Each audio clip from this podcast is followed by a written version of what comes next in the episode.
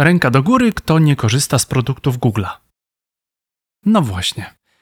Skąd biorą się te magiczne innowacje w Google'owych produktach? Escola Mobile. Biznes masz w kieszeni. Odpowiedzi poszukamy w rozmowie z Magdą Dziewkuć, Country Director w Google Cloud Poland. Magda współdecyduje o kształcie produktów Google'a i nadaje ton rozwojowi IT w Polsce. Nasza gościni zna odpowiedzi na pytanie takie jak dlaczego chmura stała się wszechobecna oraz jak siła danych może przekształcić sposób prowadzenia Twojego biznesu. Jeśli chcesz się dowiedzieć, co się dzieje za kulisami Google'a, jak technologia zmienia się w post-covidowym świecie, a także czym jest to całe Automagic, zapraszamy do słuchania i do oglądania. Podaj ten podcast dalej, opowiedz o nim swoim znajomym, zwłaszcza tym, którzy chcieliby pracować w Google, bo w tej rozmowie podpowiemy, co robić, aby dołączyć do zespołu.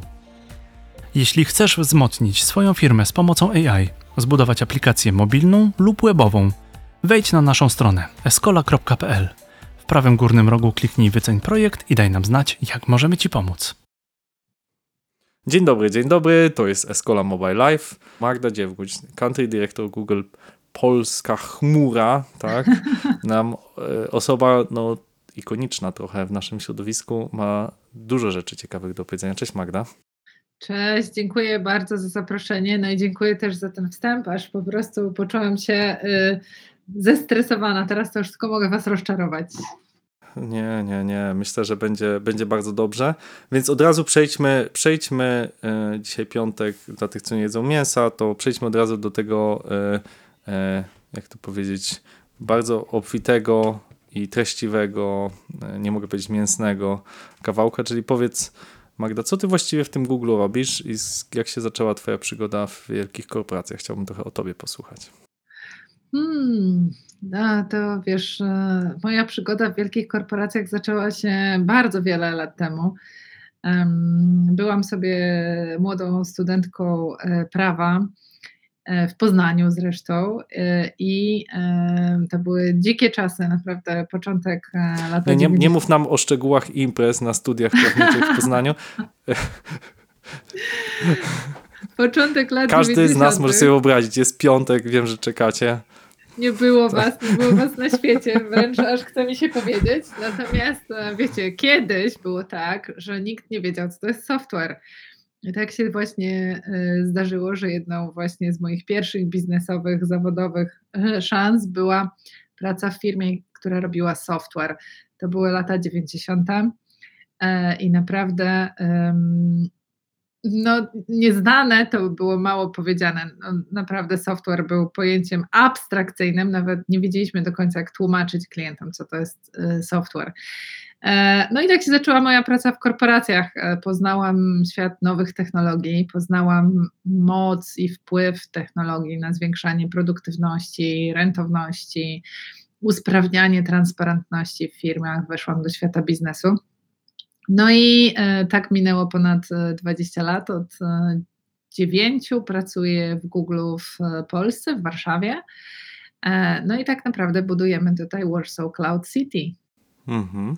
To jest ciekawe, co mówisz, bo jak przeszłaś od historii prawniczka, która poszła do technologii, to od razu zaczęłaś używać bardzo biznesowych stwierdzeń, tak? Rentowność, poprawianie procesu, zwiększanie e, tak, produktywności, to są rzeczy, które właśnie bardzo interesują słuchaczy Escola Mobile, bo my rozmawiamy o technologii, jak one zmieniają faktycznie rzeczywistość. E, I, i, i powiedz, jak to się stało? Jeszcze chcę, muszę cię dopytać o ten fragment, że, że czujesz się osobą z technologii, czy ciągle czujesz się osobą, która związana jest e, z kwestiami prawa, wpływu prawa, prawa na, na gospodarkę, na technologię, czy czujesz się już w pełni osobą, która biznesowo zarządza w tej chwili Google w Polsce? E, wiesz, prawo to były dopiero moje pierwsze studia, potem jeszcze poszłam na kilka e, innych, więc e, na pewno nie czuję się prawniczką. Mm, czuję się osobą w biznesie, która ma jakąś świadomość prawa i chyba to będzie najlepsze określenie.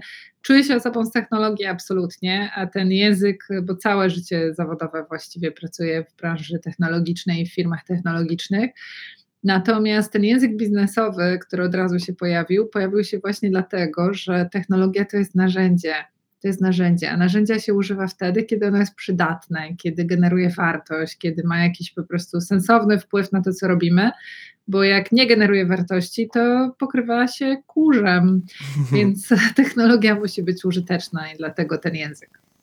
Aha, czyli technologia to jest młotek, to jest piła, e, to jest zaprawa murarska. Okay. To jest software, to jest algorytm, to jest aplikacja. Okej. Okay. Google Cloud w ciągu ostatnich pięciu lat właściwie podwoił swoje udziały w rynku. Znaczy w rosnącym rynku, to powiedzmy szczerze, jak bardzo chmura rośnie, myślę, że większość słuchaczy z Cola Mobile wie, natomiast jakby w tym stale rosnącym rynku mamy kilku graczy, tak, Amazona, Microsoft, wielu innych, OVH, e, ale mamy też Google'a, który naprawdę zrobił chyba ponad więcej niż podwoił swoje udziały świato, na świecie. W Polsce bardzo chętnie posłucham, jak to idzie. Więc od razu przychodzi mi na myśl pytanie, jak to się stało? Jak to się stało, że tak dobrze się stało? To prawda, systematycznie rośniemy szybciej niż rynek i rośniemy szybciej niż e, nasi konkurenci. Mm, I myślę, że to właśnie wynika z tego, że no jakby firma od początku ma dokładnie taką kulturę, to jest kultura użytecznej technologii. E, I wszyscy, którzy pewnie nas słuchają, znają Google'a właśnie jako użyteczną technologię. Czy to jest Gmail, czy to jest YouTube, czy mapy, czy prawda, wyszukiwarka. Mm, no to używamy jej, to znaczy, że ona coś tam nam daje. Szybciej coś, prawda, wiemy, podejmujemy decyzje, wybieramy produkt, drogę, rozwiązanie. I teraz wszystko, co jest pod spodem, co sprawia, że te aplikacje działają i generują wartość, no to tak naprawdę jest ten silnik technologiczny, to jest ta platforma, którą w pewnym momencie zaczęliśmy nazywać Google Cloudem i zaczęliśmy ją oferować as a service innym firmom, więc myślę, że to, że rośniemy tak szybko wynika z tego, że tak naprawdę oferujemy rozwiązania sprawdzone na dużej skali. My mamy takie Mm, określenie w Google dogfood. Dogfood oznacza, że najpierw sami coś używamy, czegoś używamy, czy testujemy, zanim e, damy to klientom. I trochę tak z tą chmurą. Napisaliśmy ją dla siebie, używaliśmy jej, sprawdziliśmy, co działa, co nie działa, a dopiero w drugim etapie zaoferowaliśmy ją do rynku jako odrębny produkt, odrębne rozwiązanie. No dlatego działa, jest efektywna, tańsza, bezpieczniejsza dlatego szybko rośniemy. Okej, okay, to, to pojawiało się to zdanie w startupach, które mieliśmy i tych dużych, których znamy historię, że jak coś chcesz zrobić naprawdę fajnego, to, to zrób tak, żebyś sam, sama chciał z tego korzystać. I myślę, że to jest dobry kierunek, ale na pewno są jakieś określone wyróżniki e, i chciałbym, żebyś powiedziała jakby, bo jest jednak tu fizyczne biuro w Warszawie, byłem, piękne w ogóle biuro, wszystko tam jest naprawdę. Włącznie z mini salą do gry na instrumentach, jak ktoś lubi sobie w pracy pobrzdąkać. Jak to się nazywa, freestyle, czy jakiś tam po prostu się pobawić instrumentami. Tam jest wszystko, nie? Sorry Magda, że to ujawniłem, bo chyba tam nie można wchodzić nie pracownikom, więc sorry, to można, koledzy mi mówili. E, w każdym razie coś jednak y, robicie też ważnego, czyli współpracujecie z otoczeniem, tak? Oferujecie coś więcej, co sprawia, bo działacie głównie przez partnerów, tak? Więc powiedz, co dajecie fajniejszego, co teraz nasi słuchacze z Cola Mobile, które, którzy reprezentują startupy, mogą od Was chcieć albo uzyskać?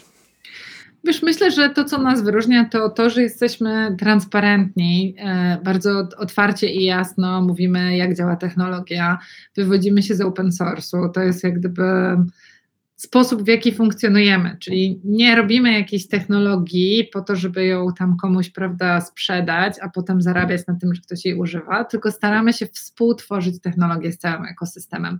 I myślę, że jedna bardzo ważna rzecz, która też nas wyróżnia, jest taka, że mm, my nie chcemy jakby zarządzać całym łańcuchem wartości. My zakładamy, że to, na czym się znamy, to właśnie jest software, to jest platforma, to budowanie technologii, ale tak naprawdę to klient, partner biznesowy, e, ci, którzy znają się na biznesie konkretnym, na konkretnej branży, gamingu, retailu, edukacji, oni tak naprawdę rozumieją zastosowania, oni rozumieją use cases oni zdefiniują modele używania tej technologii, więc od początku staramy się z nimi bardzo blisko współpracować i wychodzimy z założenia, że to jest ich przestrzeń. i to oni będą oferować tą technologię do rynku w swoim modelu biznesowym. E, wielu naszych konkurentów tak nie robi, tak? I próbuje po prostu zarządzać całym łańcuchem od produkcji technologii do faktury końcowej no co eliminuje po prostu przestrzeń i szanse biznesowe dla mniejszych firm. Okej, okay, Magda, chciałbym, żebyś mi dała jakiś przykład. To znaczy, na pewno coś, co działa na wyobraźnię słuchaczy Escola Mobile i moją, to są case study, że okej, okay, jakiś startup, nie wiem, oferuje granie w chmurze. Był, było rozwiązanie Google'a, pamiętam, bardzo ważne dla mnie, dla gracza, bo ja mam Maca i większość gier nie działa, ale Google miał i nie wiem, czy nie zamknął zresztą tego projektu, że można jakby łączyć się z serwerem po chmurze i w ten sposób ja mam PC-ta, nie? To taki przykład mi przyszedł do głowy, ale ty masz pewnie parę Bardzo lepszych, Bardzo proszę, tak? da, dam, dam ci jeden przykład większy, jeden mniejszy z naszego regionu, tak? No na mhm. pewno moglibyśmy na, sami odpalić jakiś po prostu serwis do słuchania muzyki, pracy w ogóle właśnie z artystami, twórcami mhm. kontentu, no bo przecież generalnie mamy z nimi kontakt, korzystają często z YouTube'a i tak dalej. A jednak w ogóle właśnie współpracujemy bardzo blisko ze Spotify'em czy z innymi firmami, wychodząc z założenia, że to oni się znają na muzyce. Oni generalnie rozumieją, kto chce czego słuchać, dlaczego wtedy i w ogóle właśnie, który artysta się sprawdzi. Więc to, co my im oferujemy, to naszą technologię, nasze algorytmy, nasz sposób przechowywania danych, prawda, okay. naszą analitykę, a Spotify robi sobie w ogóle e, na tym swój model biznesowy. Tak samo jest, nie wiem, na przykład z Disneyem. E, e, ale weźmy też taki po prostu przykład z rynku. Um, ja, ja, nie wiem, czy cię nie pytam za bardzo szczegółowo, czy to nie jest pod jakimś NDA-em, ale co, czy jak oglądam wczoraj z dziećmi na Disney Plusie, dawno temu w trawie, to jestem z chmurki Google'a, może nawet w Warszawie mi to się wyświetla wiesz, no nie, nie będę tutaj oczywiście opowiadać o tym, gdzie Disney używa czego, ale y, korzysta bardzo szeroko z rozwiązań chmurowych i koncentruje się właśnie na, twór, na tworzeniu kontentu, na robieniu y, wspaniałych y, filmów, czy animacji, czy produktów, natomiast nie zajmuje się budowaniem chmury czy platformy analitycznej, korzysta z gotowych rozwiązań. Innym, innym tematem jest na przykład windy.com. Wczoraj nawet byłam na koncercie, na którym zaczął padać deszcz e, i ktoś mi pokazuje, wiesz, jest taka świetna aplikacja windy.com i wiadomo było, że ten deszcz będzie padał.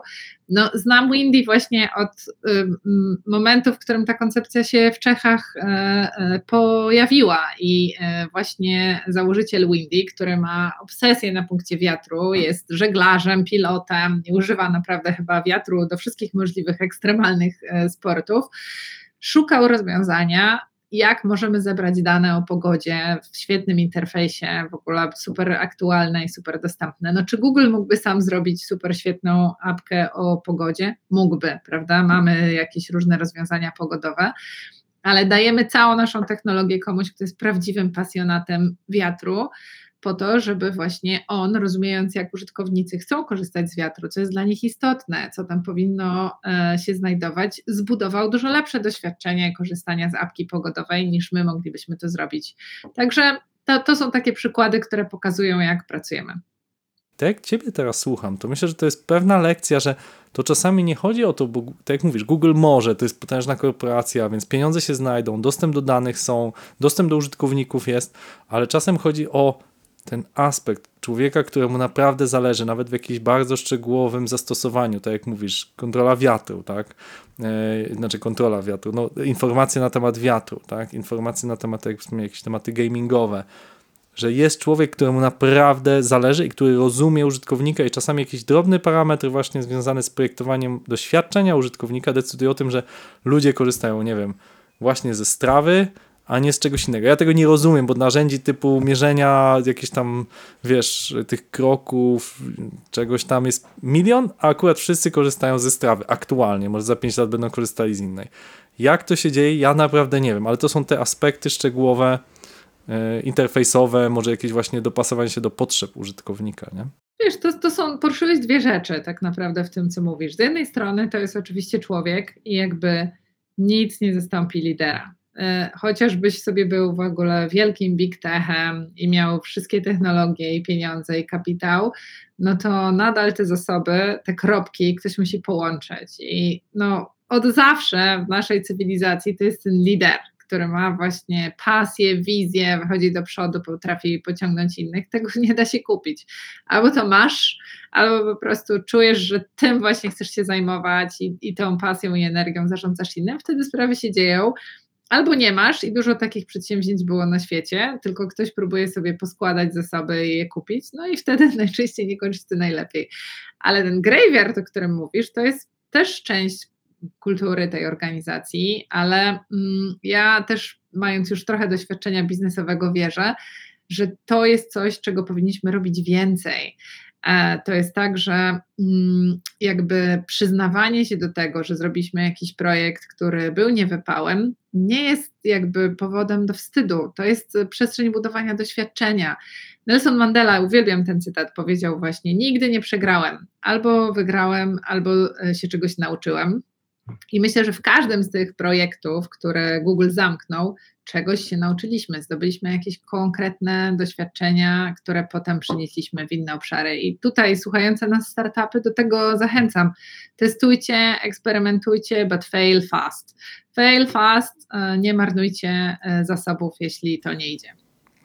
I to jest też cenna rada co do tego, że bardzo często startupy budują jakieś złożone rozwiązania, natomiast dzisiaj piętrowe, wielopiętrowe e, rozwiązania informatyczne, tymczasem dzisiaj moim zdaniem programowanie bardzo się zmieniło. To znaczy ja biorę sobie jakieś tam API, podłączam się do czegoś, na tym buduję jakiś prosty interfejs, chmurkę sobie pożyczam od kogoś i ja jestem w stanie, teraz się mówi o tej kulturze weekendowych startupów, jestem w stanie bardzo szybko coś odpalić, w Escoli ostatnio odpaliśmy taki tool, e, Kuba Król e, skonstruował sobie taki tool Auto Inviter, który ściąga dane z LinkedIna, profilu i ostatnich postów i zaprasza cię, o cześć Magda, widziałem, że ostatnio byłaś na tej, na tej konferencji, miałeś świetne wystąpienie na ten i na ten temat, a widzę, że tutaj zajmujesz się Google Cloud i te tematy cię interesują, więc fajnie jakbyśmy mogli więcej rozmawiać na ten temat na LinkedInie.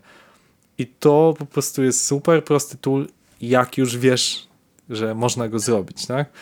I, I powstał dosłownie w weekend i moim zdaniem takich rzeczy będzie cała masa teraz i widać wysyp całą masę, bo nie musisz tego programować od zera, nie? Możesz sobie wykorzystać gotowe rzeczy włącznie z przestrzenią serwerową i, i, i nie tylko przestrzenią, bo właśnie o to, to jest moje następne pytanie, że my mówimy chmura i większość osób ma takie wyobrażenie, ok, dobra, czyli zamiast tam OVH, no to się tam zapakuje, czy zamiast, e, tak jak my mamy nawet jako Escola parę swoich on-premise serwerów, zamiast sobie to konfigurować, ściągać sobie tego Linuxa, tam to Ubuntu i tam piętrową tą ten, to sobie biorę jakąś tam e, takiś klasterek mały i to jeszcze skalowalny od Google, ale na tym jest nabudowane bardzo dużo usług, widzę i to jest chyba ta przewaga, te usługi. Czy możesz więcej e, o tym powiedzieć naszym słuchaczom? Jakie to usługi są, jakiego typu albo przykłady dać? Wiesz, i to jest w ogóle też takie super e, w technologii, tak jak ja ją obserwuję na przestrzeni rozwoju mojego życia zawodowego, że jak byłam sobie właśnie tym młodym pracownikiem pierwszej e, korporacji, to technologia mm, zaawansowana, ten software wtedy magiczny, był tylko dla największych i najbogatszych firm naprawdę, żeby używać nowoczesnych technologii, to po prostu trzeba było mieć, wiesz, bardzo dużo budżetu, żeby postawić sobie właśnie swoje serwery, kupić sobie swoje licencje, swoje oprogramowanie, zatrudnić wybitnych ludzi, ale każdy miał taką po prostu własną wersję architektury, w którą musiał zainwestować, musiał to wybudować, musiał to utrzymywać, to było strasznie drogie. A dzisiaj mamy taką sytuację, że praktycznie technologia jest dostępna dla każdego. E, za cenę, która jest dla każdego dostępna. No tak jak mówisz, po prostu nie musisz mieć nie wiadomo jakiego kapitału, żeby zacząć w weekend po prostu pracować nad e, jakimś, e, jakąś apką, jakimś rozwiązaniem, bo większość narzędzi jest dostępna as a service i te narzędzia, te usługi, o których teraz wspomniałeś, to już jest po prostu bardzo szeroki katalog, czyli nie tylko po prostu stawiasz sobie tam wirtualne maszyny, ale w ogóle od razu możesz do tego podłączyć, nie wiem, analitykę, płatności, prawda, sklep elektroniczny, w ogóle właśnie no, całą masę usług, których nie musisz programować, nie musisz budować od zera.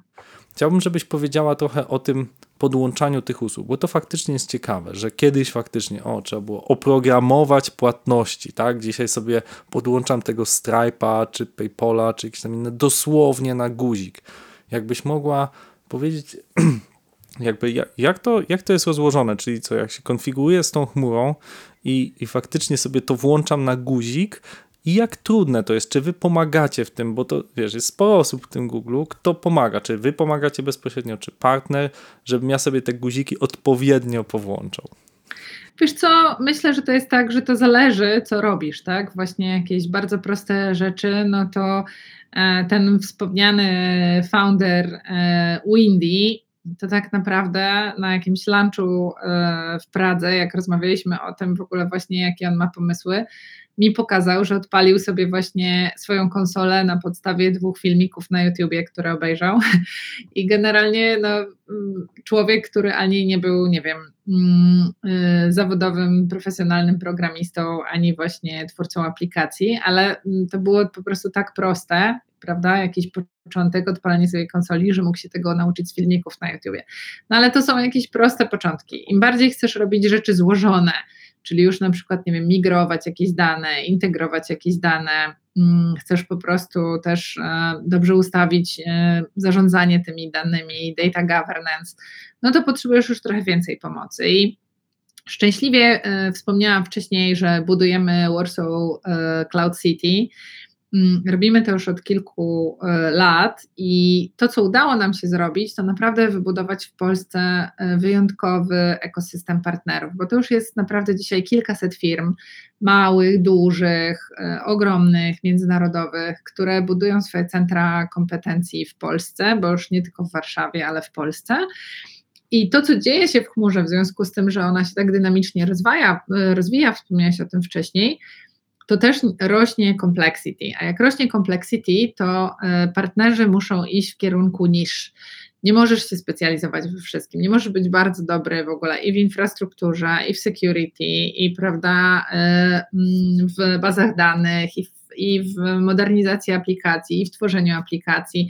E, I widzę, że partnerzy powoli właśnie zaczynają się specjalizować i teraz, w zależności od tego, jak złożone rzeczy robią klienci, oni też już sięgają po partnerów e, ze specjalizacją do tych trudnych rzeczy, bo do tych prostych rzeczy to naprawdę można sobie zrobić tam pierwszy certyfikat i próbować hmm. samemu.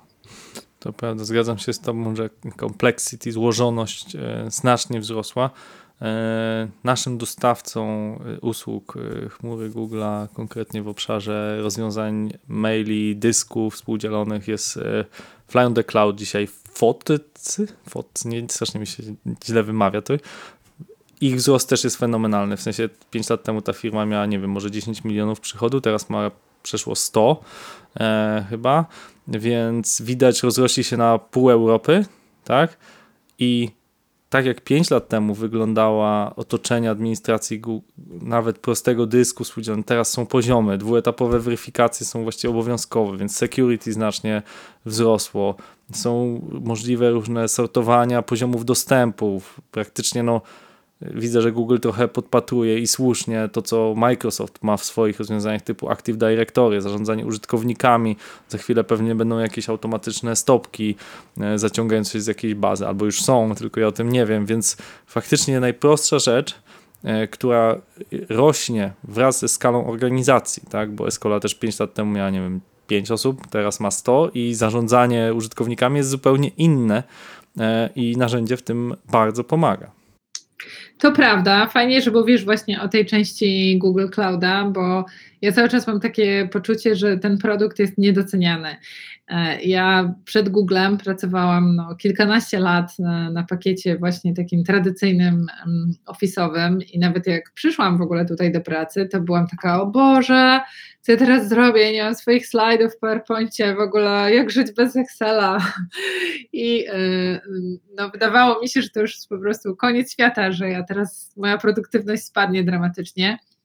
E, no ale tak naprawdę po pół roku dostałam taką notyfikację, że właśnie odinstalowało mi właśnie Office'a, bo go nie otworzyłam od tam, nie wiem, 90 dni czy coś w tym stylu. I jak popatrzysz teraz na sytuację, że tak naprawdę Gmail no, jest globalnym standardem, Mamy, prawda, x miliardów użytkowników na świecie. No, no, no ja bym e, przerwał ci, ja bym powiedział, że Google sobie wychował tych użytkowników, bo przez to, że Gmail był za darmo, bo już teraz nie jest i to też jest akurat dla mnie smutne, bo on niby jest, ale ostatnio mi karta wygasła i mi nie pozwala już korzystać z maila, bo mam za dużo tych maili przez lata nagromadzonych, więc mnie odłączył, musiałem podejść. No ale dobra, wychowaliście sobie tych użytkowników i, i i, i mo, w moim przekonaniu, tutaj nie słodzę, nie ma niczego porównywalnego, jeżeli chodzi o collaboration. Możemy dyskutować co do tego, czy możesz zrobić tak złożone rzeczy w Sheetsach, co w Excelu. No nie. Ale jeżeli chcesz napisać wspólnie książkę, dzi dzisiaj miałem kick-off projektu, gdzie będziemy pisać książkę w sześciu autorów, to napisanie tego jest, Google jest po prostu dla wszystkich tym pierwszym, pierwszą myślą. No wiadomo, że to tak. napiszemy na tak. Google, nie? Tak, tak. No doksy to jest po prostu nieustający zachwyt i magic. E, bo po prostu nie da się, mm, no czasem mi ktoś podsyła, prawda, jakiś załącznik w innej technologii, gdzie po prostu właśnie, żeby zrobić zmiany i zapisać wersja 1.5, w ogóle nikt nie wie po prostu o co chodzi, e, to naprawdę jest ciężko, ale wiesz, tak trochę broniąc też tego, czy jest za darmo, czy nie jest za darmo, no ten produkt też przecież kosmicznie się zmienił, wiesz, jak pewnie miałeś ten swój pierwszy Gmail, to wysyłałeś maile i jakby maile z 5 lat ważyły tam, prawda, nie wiem, x mega, nie? A teraz w ogóle właśnie masz drive'a, na którym trzymasz, nie wiem, filmy, masz e, pewnie Google Photos, które tam zaciąga e, ogromne ilości high resolution e, zdjęć, plus dochodzą po prostu różne aplikacje, które sobie tam trzymamy, więc trudno byłoby tak, wiesz, nieustająco dawać ci nieograniczoną przestrzeń i jeszcze sprawiać, żeby tam było najbardziej zaawansowane security, dwuetapowa weryfikacja, alerty, w ogóle właśnie, czy ktoś ma dostęp do Twoich danych.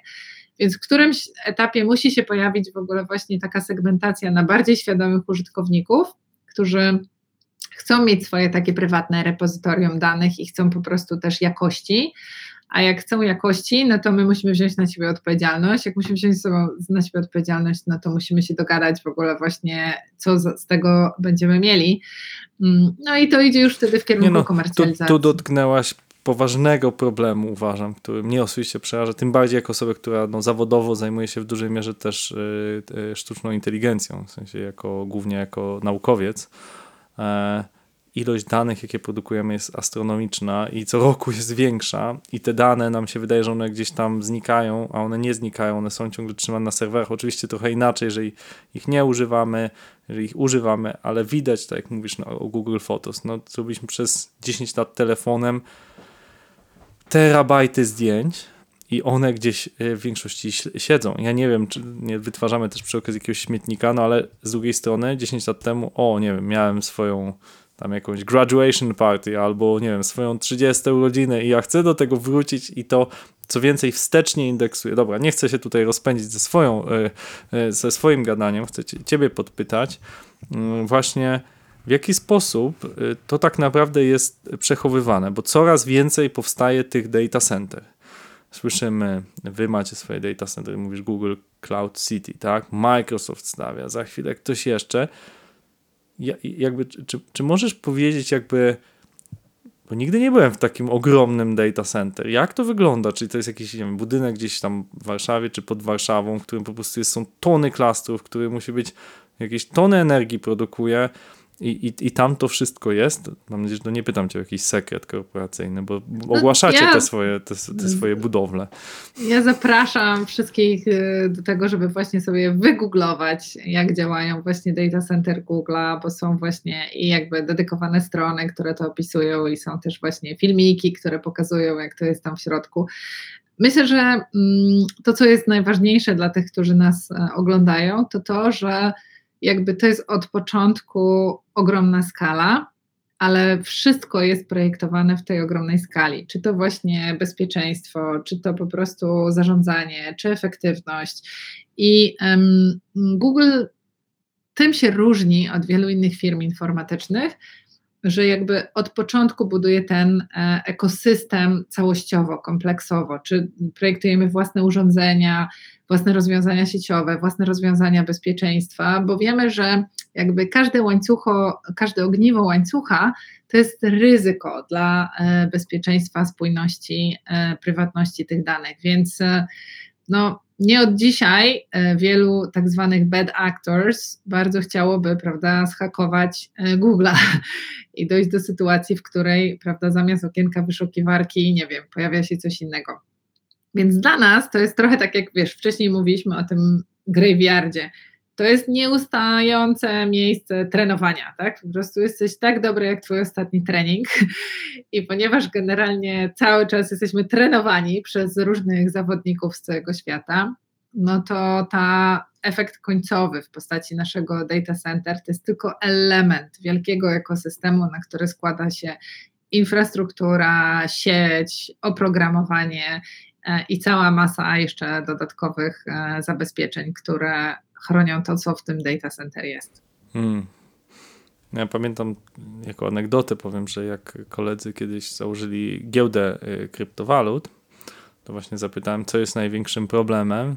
To on powiedział, że właśnie fizyczny serwer, gdzie ktoś musi tam stać i dosłownie stać pięciu ochroniarzy, żeby nikt fizycznie nie wykradł tych, tych dysków, bo tam jest kupa forsy. Tak? I i, I to on twierdził, że jest największy problem. Tam zaprogramowanie tej giełdy to pryszcz. Najtrudniejsze jest to, że my sobie często zapominamy, bo mówimy chmura i większość osób, które nie zajmują się technologią, nie było w takim data center dużym, to wyobraź sobie, że to gdzieś faktycznie sobie lata w powietrzu, a te dane są fizycznie na jakimś serwerze, co więcej na jednym i gdzieś skopiowane jeszcze na drugim, a czasem i na trzecim, żeby w razie gdyby to wszystko spłonęło, to żeby to się szybko cofnęło. A nawet, a mhm. nawet nie tak, wiesz, to też mhm. jest dla tych, których to mhm. interesuje, to też polecam, żeby sobie tam wpisali w wyszukiwarkę właśnie w jaki sposób przechowywane są dane w ogóle w infrastrukturze Google'a, bo tu jest też rewolucja w stosunku do tego, jak tradycyjnie przechowujemy dane, bo nie przechowujemy konkretnego pliku w konkretnym miejscu i jest prawda, jakiś katalog albo biblioteka, która mówi, gdzie jest ten plik. Google wszystkie dane jakby mm, poddaje fragmentaryzacji, takiej olbrzymiej fragmentaryzacji i te dane w ogóle właśnie następnie są jakby rozpraszane po wielu różnych data center. E, I wielokrotnie to rozpraszanie jest kopiowane. Ja oczywiście to mówię takim bardzo uproszczonym językiem, ale to ty jako użytkownik, jako jedyny masz ten klucz, tą taką jakby magiczną pałeczkę, która powoduje, że ten pył się z powrotem robi twoim plikiem. I to jest dość unikalne. Nie wiemy o tym, żeby jakikolwiek z naszych konkurentów podobnie e, przechowywał i chronił dane, a to jest nasza e, ogromna przewaga. Brzmi niesamowicie jak droga mleczna, która składa się z miliona gwiazd, ale formuje się jednak w coś, co widzimy i mnie to zastanawia, bo jednak fizycznie ten impuls, ja tak myślę trochę technicznie, może za bardzo, to musi przejść impuls i złożyć, czyli mamy jakiś tam ping, który po tych tak. światłowodach musi przejść, żebym ja teraz tak. choćby z tobą rozmawiał, tak. to jest ten oczywiście tak. mini, mini lag, który sprawia, że te dane są wymieniane, ale to może na inną rozmowę, bo chyba... Wiesz, ja to nazywam, mhm. ja to nazywam w rozmowach z klientami automagic, tak, że to jest tak, że generalnie właśnie, y, wiesz, to jest twój interfejs i teraz nieważne, czy przełączasz się z telefonu na Androidzie, prawda, na swojego Maca, czy na swój androidowy telewizor, czy cokolwiek to jest. I jakby ten Automagic powoduje, że tam skończyłeś oglądać właśnie ten, nie wiem, podcast, a tutaj masz po prostu na tym drugim urządzeniu chwilę później kolejną sekundę.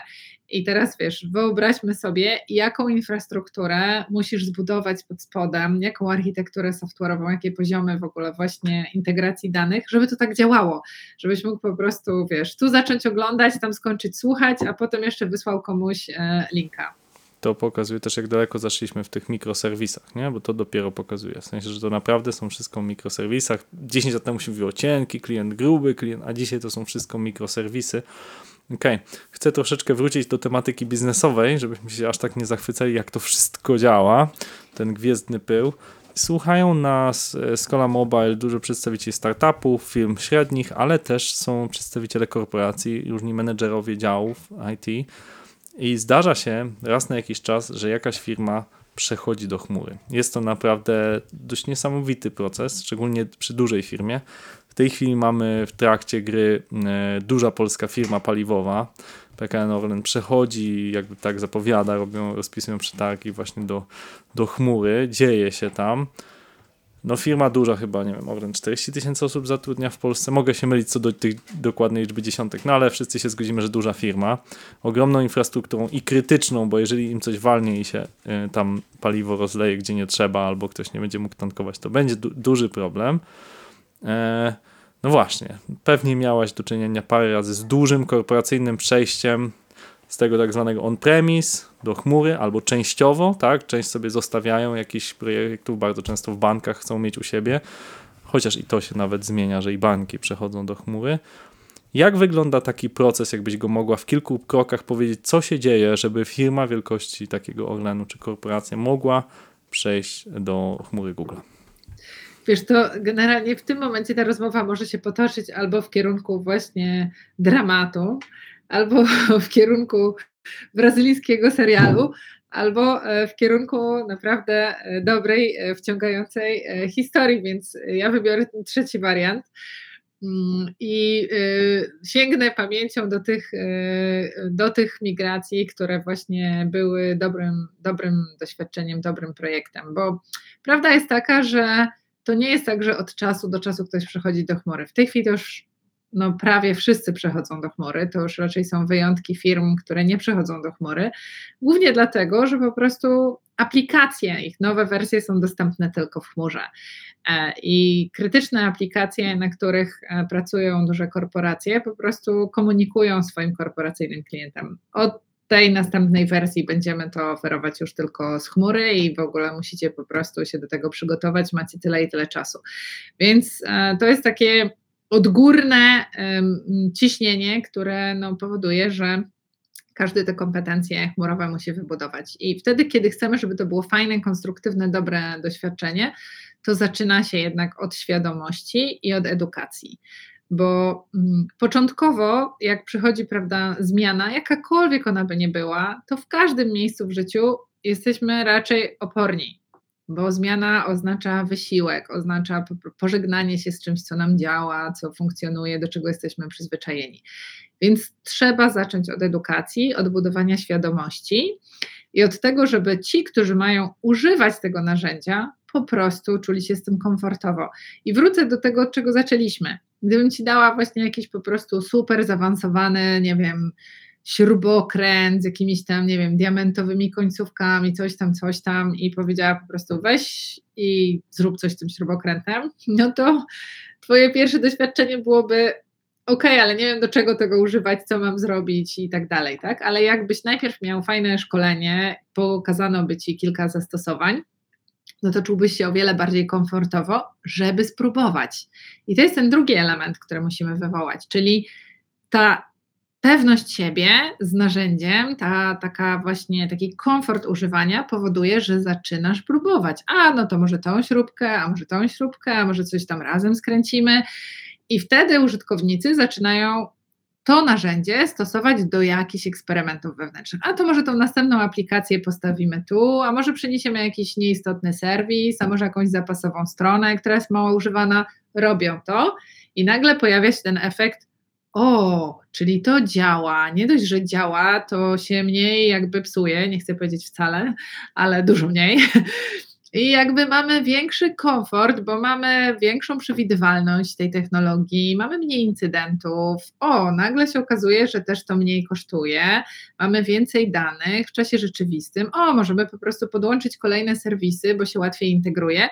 I wtedy zaczyna się ta prawdziwa migracja, bo jak użytkownicy już wiesz, poczują się komfortowo, pobawią się w tej pierwszej piaskownicy, przetestują, nabiorą w ogóle jakiegoś poczucia, do czego może im się to przydać, to biorą się za te poważniejsze aplikacje, które wymagają nie po prostu lift and shift, ale właśnie jakiejś modernizacji, jakiegoś e, e, przedefiniowania. I wtedy zaczynają się takie poważne projekty, gdzie już się robi ambitnie, e, gdzie właśnie no, to dłużej trwa, trzeba sięgnąć po zewnętrzne kompetencje, i tam jest taki efekt rozwoju.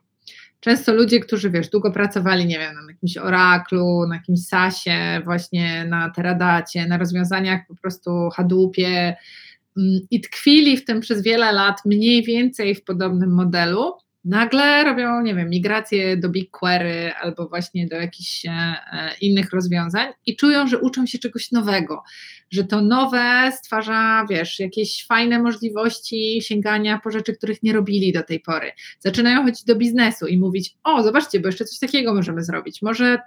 Więc wiesz, to jest taka pozytywna ekscytacja, taka eksploracja, takie w ogóle odkrywanie nowych przestrzeni. No i ja bardzo lubię takie migracje, bo po prostu tam jest zawsze taki efekt wow, e, organizacja jest taką nową energią, ludzie zamiast mówić nie da się, nie da się i będzie to kosztowało miliony monet, mówią spróbujmy, przetestujmy, zobaczmy. To są takie fajne migracje. Okej. Okay. Wow.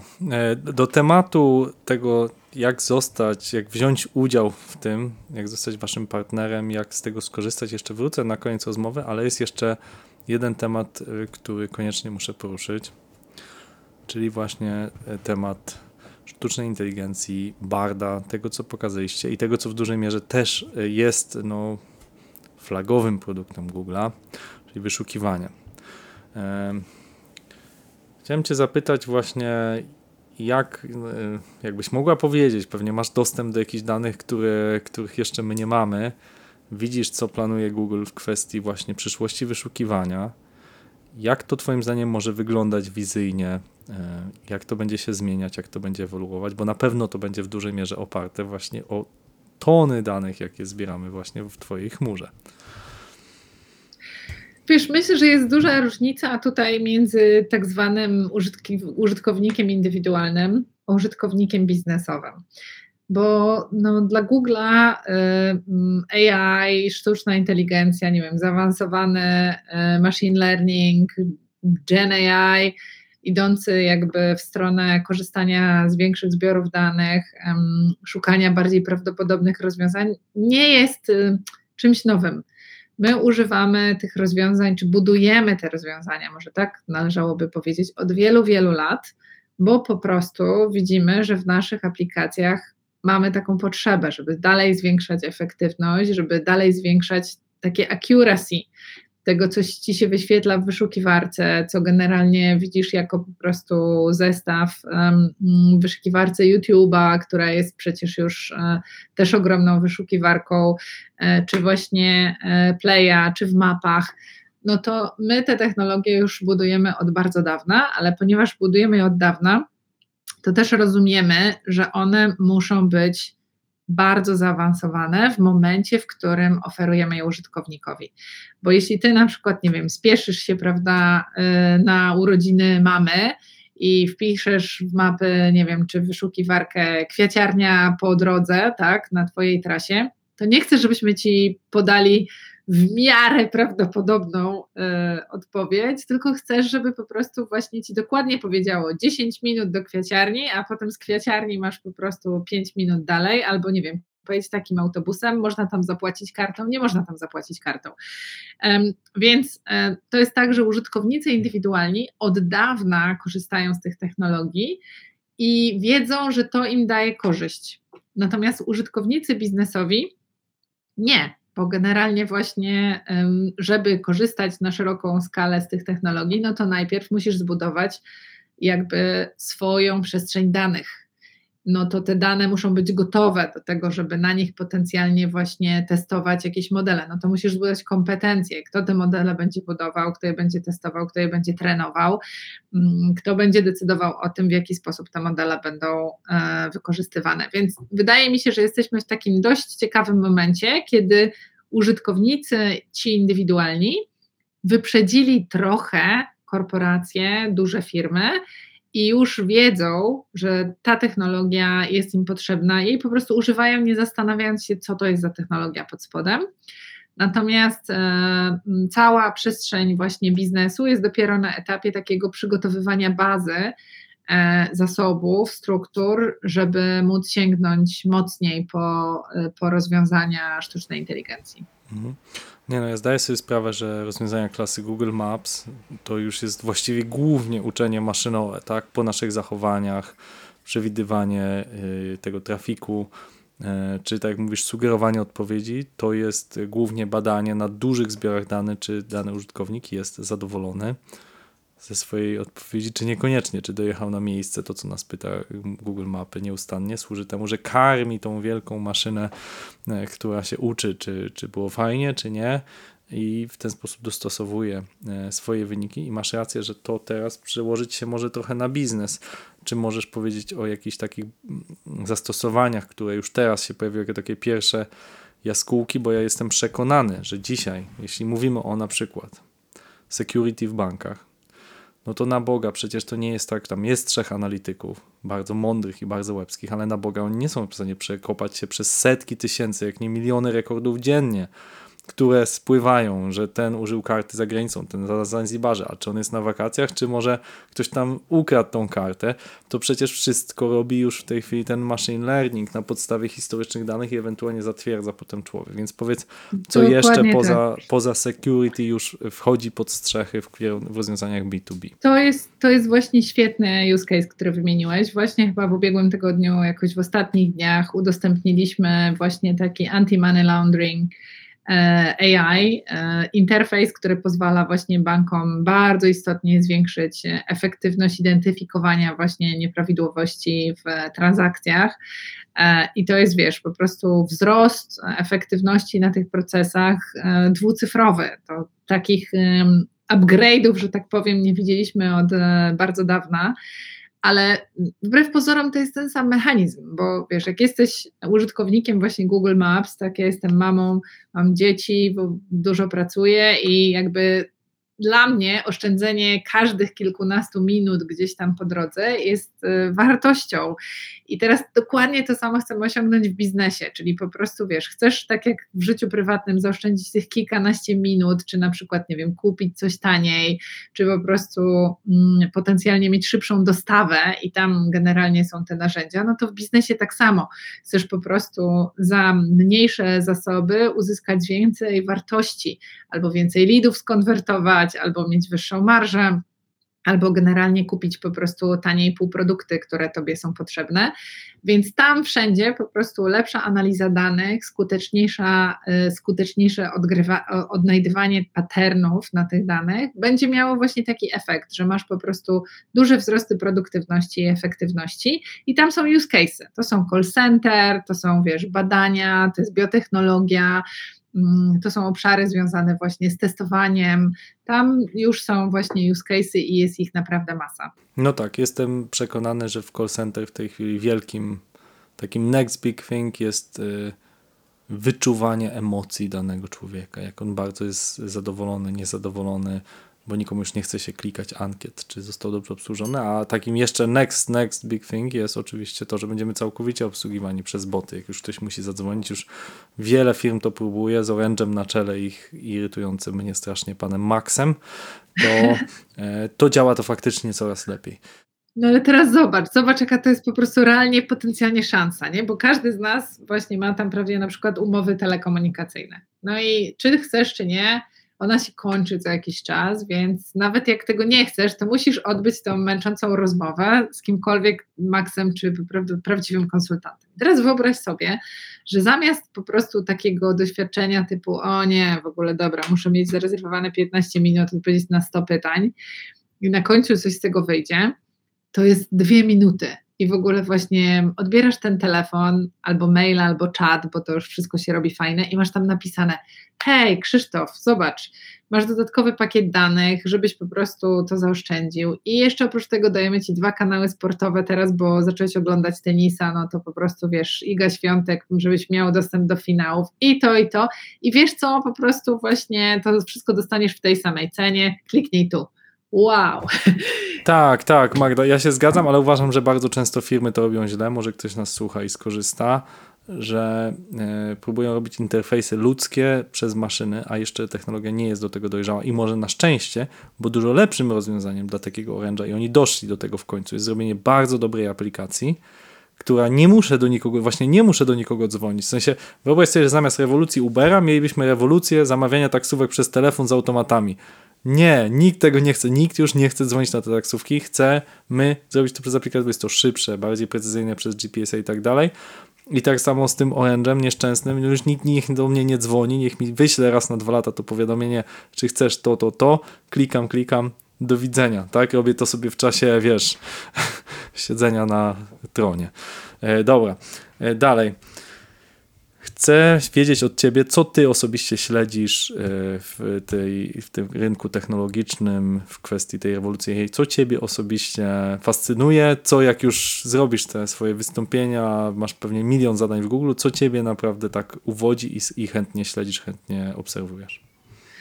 Wiesz co, ja staram się obserwować e, tych e, liderów, którzy mm, wychodzą poza zakres, bo mm, to, co mnie całą e, moją karierę zawodową fascynuje, wiesz, to to, co jest w ogóle właśnie za zakrętem, którego to, to czego nie widać. Więc staram się angażować w takie projekty na rynku, które wychodzą poza to, za, poza horyzont, czyli bardzo na przykład w tej chwili interesuje mnie obszar logistyki bo logistyka jest, wiesz, między światem realnym, gdzie się właśnie produkuje, a światem wirtualnym, gdzie jakby szukamy informacji, y, kupujemy coraz więcej, dzielimy się doświadczeniem. I teraz jakby na krawędziach zawsze powstają najciekawsze, e, najciekawsze innowacje, więc moja uwaga jest skierowana tam, gdzie po prostu dzieje się coś nowego, gdzie może potencjalnie będą kolejne porażki albo kolejne eksperymenty. E, I staram się e, bardzo uważnie słuchać i obserwować właśnie takie nowe, nietypowe rzeczy. Okej. Okay. W latach 20-22 Twoja firma, moja firma, przeszły naprawdę no, niesamowity wzrost. Tak? Zatrudnialiśmy ludzi jak szaleni. E, mieliśmy ręce pełne roboty, bo po prostu wszystko się cyfryzowało, wszystko przechodziło do internetu. Praca zdalna nagle jakby z niemożliwej stała się możliwa i no i jesteśmy w 2023, w połowie 2023 roku i jesteśmy jednak po jednak takim, ja bym nie powiedział, że jakaś zima jest dla IT, ale jest jednak ochłodzenie. Chciałbym, żebyś to skomentowała z perspektywy twojej firmy. Jak ty to widzisz? Jakie są widoki na przyszłość i jak się do tego, że tak powiem, ustawiać?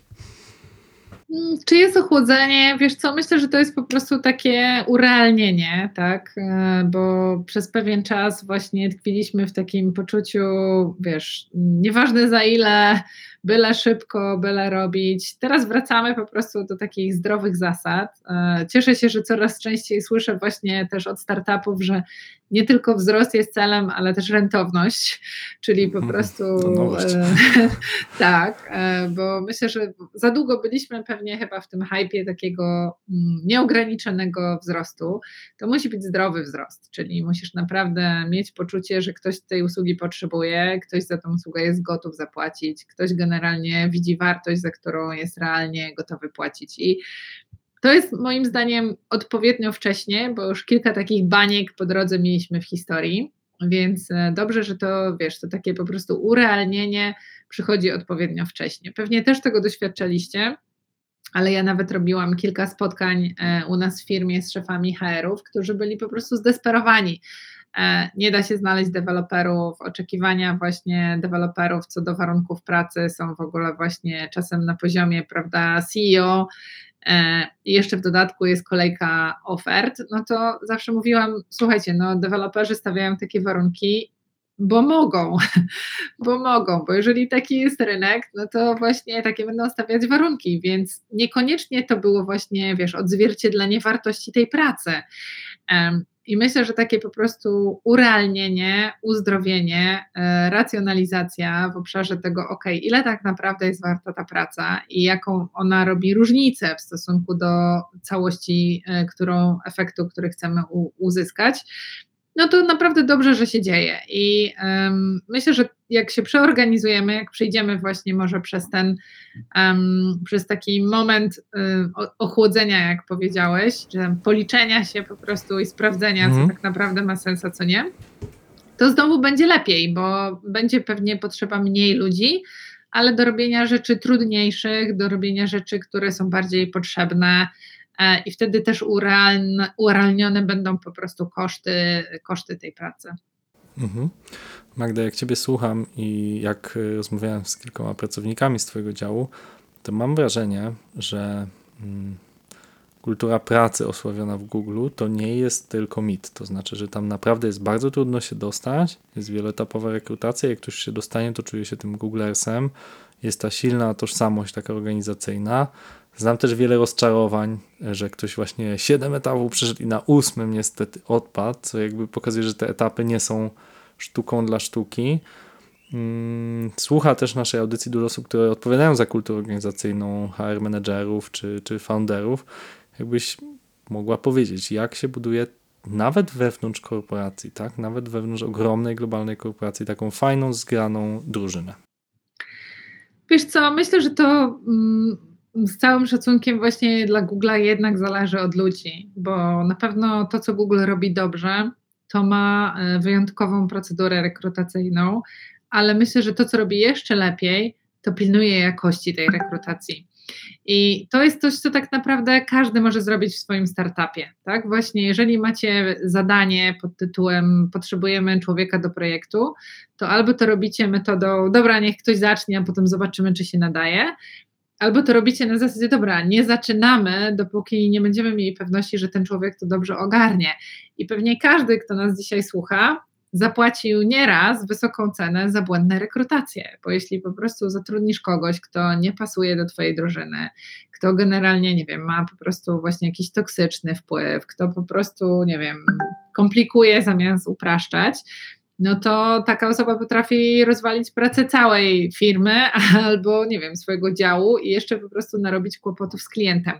Pomyłki rekrutacyjne kosztują y, najwięcej, więc jakby zachęcam do tego, żeby nie myśleć, że to jest jakaś magia w Google, tylko po prostu budować wokół siebie taką kulturę współodpowiedzialności. Wszyscy odpowiadamy za to, żeby w naszej organizacji, w naszym startupie, w naszym teamie byli ludzie, którzy chcą tutaj być, którym na tym zależy, którzy dają z siebie w ogóle właśnie ile mogą, a nie właśnie, prawda, jacyś e, podróżujący przechodnie, ktoś, kto w ogóle na chwilę się zaczepił, ale nie wiadomo po co.